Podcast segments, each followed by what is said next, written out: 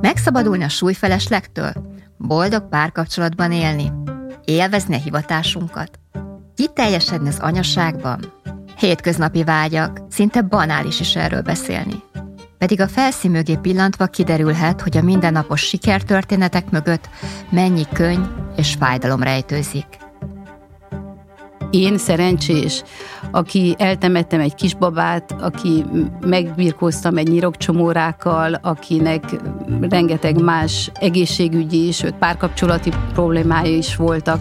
Tehát úgy érzem, hogy én megküzdöttem ezekkel a nehézségekkel.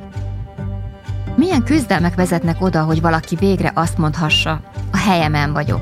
Az az ember vagyok, aki mindig is szerettem volna lenni.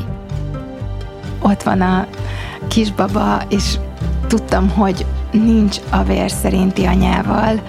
Nagyon nehéz volt elképzelni azt, hogy ő akkor most egyedül van ebben az átmeneti időszakban a nagyvilágban. Én László Krisztina vagyok, és ebben a műsorban olyan történeteket mutatunk be, amelyek szereplői sokszor ejtették ki az életük során, mert megérdemlem. Önigazolásként, vigasztalásként, vagy éppen az önbizalmuk erősítése céljából, amikor úgy érezték, mélypontra kerültek, és kellett egy löket a tovább lendüléshez. Az én életemben a legnagyobb változást az a pont hozta el, amikor én ezt a mondatot valójában elhittem, hogy én tényleg megérdemlem. Inspiráló női történeteket mutatunk be, ezzel is azt üzem be neked, kedves hallgató, nem vagy egyedül. Ami veled megtörtént, megtörténhet mással is.